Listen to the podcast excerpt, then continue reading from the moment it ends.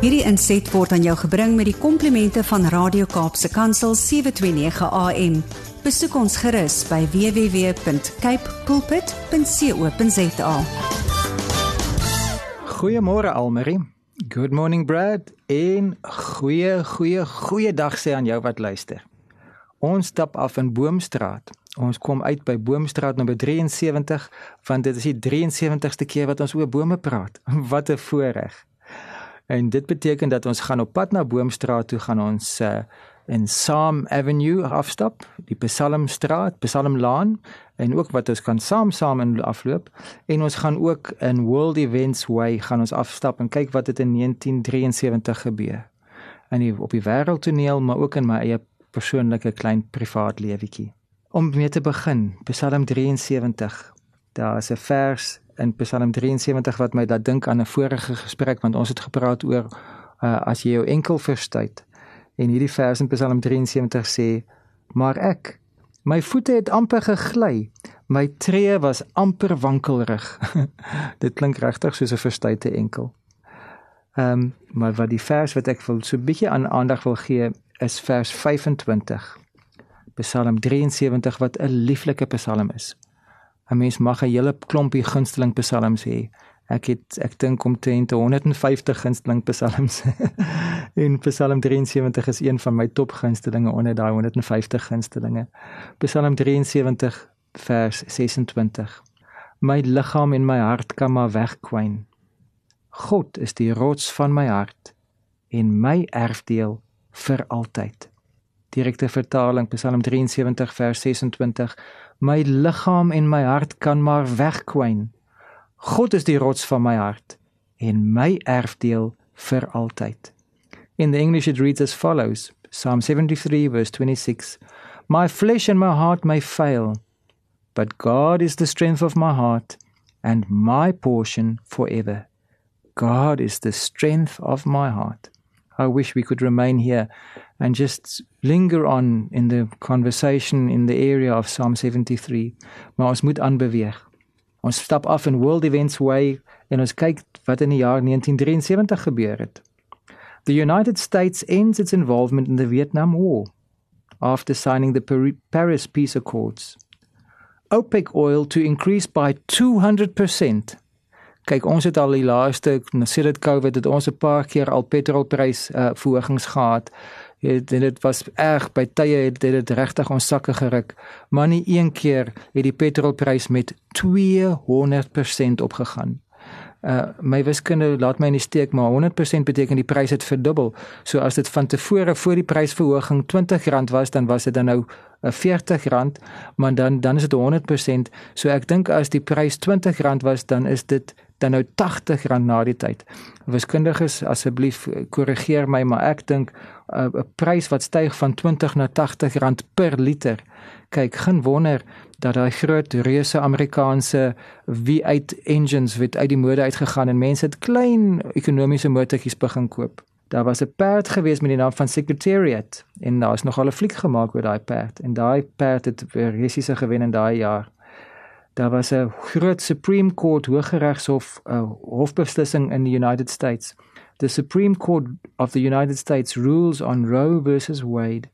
Enige iemand wat um, abortus en pro-choice, pro-life die hele debat volg, besef dat dit was 'n groot deurbraak vir die mense van uh pro-choice want dit het gemaak dat 'n um, vrou die volste reg het om haar kind te aborteer ek het nie 'n oordeel in my hart oor die vrou nie want ek besef sy is dan in 'n krisis. Dis 'n lewenskrisis wat jou bring wat om so iets net te oorweeg. Maar ek besef net maak nie saak wat se krisis wat 'n drama die vrou in haar lewe het nie. Daai is nie 'n ongebore stuk sel nie. Dit is nie selletjies nie. Dit is nie net 'n embrio nie. Dit is nie net 'n fetus nie. Uh, ons noem dit allerlei dinge maar dit is 'n lewe. En daai lewe het ook reg. En as jy 'n vroueregte wil beskerm, dan moet jy ook ongebore vroueregte beskerm. En die baba seentjies, die ongebore baba seentjies het ook die reg om te lewe dat hulle nie is soos in Farao se tyd of in die tyd van Herodes waar die baba seentjies vermoor was nie. 6 miljoen nee, ek ek dink is 40 miljoen babas wat al ongebore babas. Ek wil nie eers die die detail daarvan nou uitpak nie. Op 'n ligter noot, letterlik 'n musieknoot, the Sydney Opera House is opened. In Australië is daar 'n baie kenmerkende, dis 'n koepel koepel koepel, dis 'n baie lieflike gebou aan die buitekant en binnekant kan jy die mooiste mooiste musiek hoor. Ehm um, en dan in my eie persoonlike lewe, ek was dan om en by 5 jaar oud gewees, soos wat ek in 'n vorige gesprek genoem het, my ouers was werksaam in Duitsland vir daai tydperk by die Suid-Afrikaanse ambassade en ons het eers gebly in Keulen wat die Duitsers Köln noem. Uh en ons het toe nou getrek na 'n uh, 'n klein plekkie met die naam van Finksel wat in Bad Bad Godesberg is wat 'n voorstad is van Bonn want Bonn het die hoofstad geword omdat Berlyn uh, uh omring was deur mure. En ehm um, so die Suid-Afrikaanse ambassade het na Bonn toe geskuif. Ons het na Finksel toe geskuif en ek het die voorreg gehad ek en my my boet om daar so groot te word. En dan partykeer in die aande as my ouers moes by cocktailpartytjies wees waar hulle dan nou uh, Duitse sakemanne en ander mense ontmoet het dan was daar 'n ou pair gewees wat vir ons mooi versorg het. En ons het baie bevoorreg groot geword in 'n ander kultuur. Maar uh, as klein Duitsertjies uh, met Afrikaans as 'n tweede taal weet ek my 1973 jaar baie lekker uh, in die sneeu gespeel in die winter.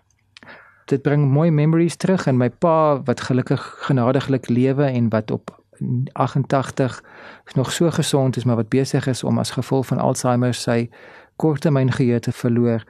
Uh, dit is vir my so lekker as ons op die foon soos gister kon ons vir die grootste deel van 'n halfuur praat op die foon en al die herinneringe koester terwyl dit nog vir my helder is. En dan kan hy vir my vertel het van 'n tyd wat ek as ou boet met my broer wat op daai stadium ek was dan nou so so amper amper 6 en my broer was toe nou amper amper 3 en ons het Duits groot geword en ek het hom geterg. Ek het iets by hom weggevat een van sy karretjies gevat en hy was hoogs ongelukkig toe hy gesê nein Rudi nein Nein Rudi, nein. Hy was ongelukkig omdat ek nou sy sy karretjie weggevat het. My pa sê dit bly vir hom altyd so 'n mooi herinnering. Hy onthou nog my my broer se breistemmetjie wat so ongelukkig was met my. Ons het nooit vuis geslaan nie, maar ek was maar ook nie, nie altyd 'n engel gewees teenoor my broer nie. Uh maar tussen het ons daar mekaar gevind, baie mooi gevind. As ons dan nou uitkom by vandag se tema, dan wil ons natuurlik weer praat oor 'n boom. En uh, soos wat ek uh, die sluier gelig het in verlede in 'n vorige gesprek, uh, is ek nog nie 'n houtkenner nie. Ek is nie 'n botanis nie, ek is nie iemand wat bome direk bestudeer nie, maar ek is net besig om 'n liefde te ontwikkel vir bome en indirek ook 'n liefde te ontwikkel vir hout. Uh, my houtwerkkunde uh, was baie beperk geweest. My as ek 'n plank saag, dan is hy redelik skeef en happerig.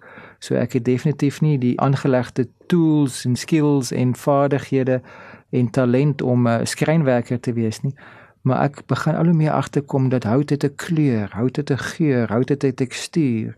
En een van die baie kosbare duurste hout wat lieflike meubels maak, is hout met die naam van Meranti. Nou uh, uh, as die as daar genade is op my lewe en ek kan vorentoe begin met 'n paar kenners praat, dan gaan ek meer praat oor die oor die eienskappe van die Meranti hout en ek gaan bietjie meer praat oor watter lieflike meubels en selfs musiekinstrumente en uh dek of, of, of dek vir 'n boot of 'n dek vir 'n stoep wat jy daarmee kan bou. Maar nou is ek maar meer 'n ou wat gaan op woorde en op klanke, so ek kan ongelukkig nie vir jou vreeslik meer sê van Meranti as wat ek op Wikipedia gelees het nie en dit is as volg. As Meranti is a hardwood, it is much stronger than pine, making it very suitable for outside use. It is also beautiful to look at, with no knots and a light brown to darker reddish brown color. Meranti is perfect for pretty much anything built of wood, both inside or outside from flooring, decking, pergolas and fencing to tables, wood shelves and chairs. As jy dalk 'n Meranti stoel het, gaan sit 'n bietjie en sê net ah, en geniet om net bietjie terug te sit. Maar wat ek nou wel weet, ek weet as ek 'n stuk Meranti hout het wat ek teen 'n 1000 rand vir 'n 3 meter lengte sou moes betaal het voor en dan is dit nie is 'n groot blok nie, dan is dit maar net so 'n houtbalk van 3 meter lank kos 'n volle 1000 rand. So ek gaan liewers dit aan die kenners oorgee met mooi gereedskap.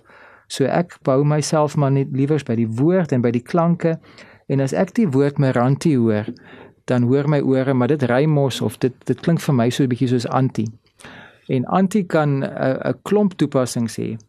Uh in in ons Suid-Afrikaanse konteks kan mens dikwels 'n ouer dame kan jy sê, maar daai is anti so en so. Die anti het vir my die tee gemaak of die anti het vir ons lekker by die sop kom bys lekker kossies gemaak. Of die anti het gesê ons moet Sondag bietjie kerk toe kom. Hulle gaan daarso by die kinderkerk vir ons mooi mooi van Jesus leer. So uh, met dis 'n dis 'n respekvorm vir 'n ouer dame om te sê anti en dit is heeltemal heeltemal aanvaarbaar. Maar daar is natuurlik 'n meer akkurate Afrikaanse toepassing van die woord anti.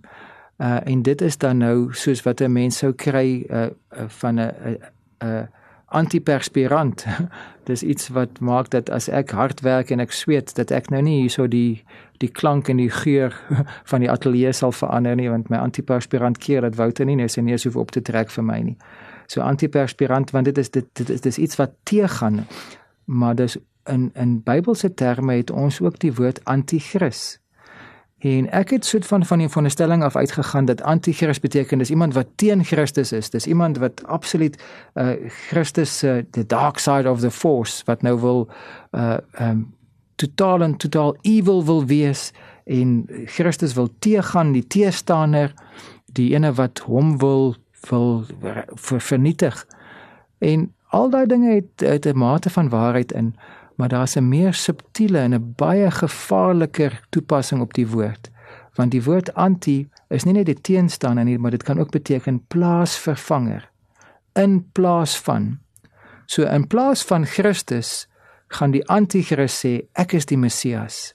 Daar gaan 'n tyd kom en ek ek is persoonlik van die oortuiging ons is nie baie ver daarvan af nie waar die wêreldmagte en die wêreldstelsel in so 'n plek gaan inkom dat 'n enkele individu sal homself sal verhef en sê uh wat ook al jou wêreldgodsdiens was in die verlede en wat ook al jou uh, land se geldeenheid was ek gaan wat ook al jou politieke oortuiging was daar gaan 'n enkele wêreldheerser verrys en hy gaan sê ek is nie 'n teenstander van Christus nie Ek is nie 'n teenstander van Mohammed of van Allah of van enige van die boeddhistiese of van die hindoe of van enige van die ander gelowe nie.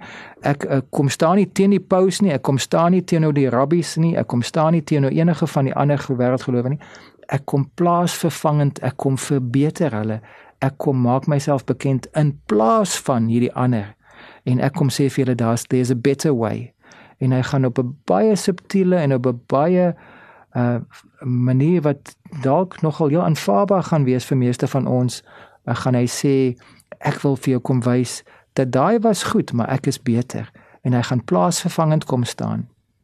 Nou ek as 'n oortuigde Christen wil nie daarvoor val nie en ek bid vir die genade dat ek sal staande bly in die verdrukking en staande sal sal bly in die eindtyd en dat ek nie sal val vir enige leuen, enige iets wat die plek wil kom vat van Jesus Christus koning van alle konings nie. Maar ongelukkig ken ek myself nou ook al goed genoeg dat ek weet ek is soms besig om 'n ander vorm van die anti-kris uh, in my lewe toe te laat, 'n plaasvervanging. Want Christus sê ek is die weg, die waarheid en die lewe. Niemand kom na my toe behalwe deur my nie. En ek sal subtiel dan dink ek moet so 'n bietjie harder werk, bietjie meer Bybel lees, so bietjie meer kerk bywoon, so bietjie my sokkies optrek en so bietjie meer my kant bring, dan sal ek seker kwalifiseer vir die redding. So ek plaas Rudy Nagel in plek van Jesus Christus. En Jesus se kruisdood, die bloed wat betaal het, is skynbaar volgens my verdraaide leuen misleiding dan nou nie genoeg nie. En my efforts, my poging sal dan kan bydra daartoe of ek dink nie dat Jesus is die voorsiener en hy is getrou nie. Ek dink ek sal moet lotto speel of ek sal moet 'n bietjie gaan steel of ek sal bietjie moet manipuleer of ek sal bietjie moet mense uh, op uh, mense se gevoelens speel en dan of iemand uh, probeer kry om vir my uh, uitkomste gee rondom my finansiële verknorsing en dat ek ek nie kan vertrou op die lewende God nie en ek plaas dan Mammon uh, as 'n anti-kris, as 'n plaasvervanger in die plek van Jesus. In jou eie lewe ken jy dit ook dat jy dinge in Jesus se plek plaas. 'n Klein anti-kris. En anti-meranti wil vandag vir ons herinner dat daar is geen plaasvervanger. Daar is maar net een. Hy is die enigste weg, die enigste waarheid, die enigste lewe, Jesus Christus, the one and only, the true and living son of God. Kom ons praat met hom. Koning Jesus, U is die Christus, die gesalfde, die enigste weg, die antwoord. U is die redder. U is die waarheid. U is die een wat vir wie ek my die res van my lewe wil toewy. En of dit in tye van verdrukking of selfs die groot verdrukking is, ek wil U volg, maar ook vandag in klein dinge wil ek nie enigiets plaasvervangend kies. Ek wil U my nommer 1 maak in my lewe in Jesus naam. Amen. Hierdie inset was aan jou gebring met die komplimente van Radio Kaapse Kansel 729 AM. Besoek ons gerus by www.cape pulpit.co.za.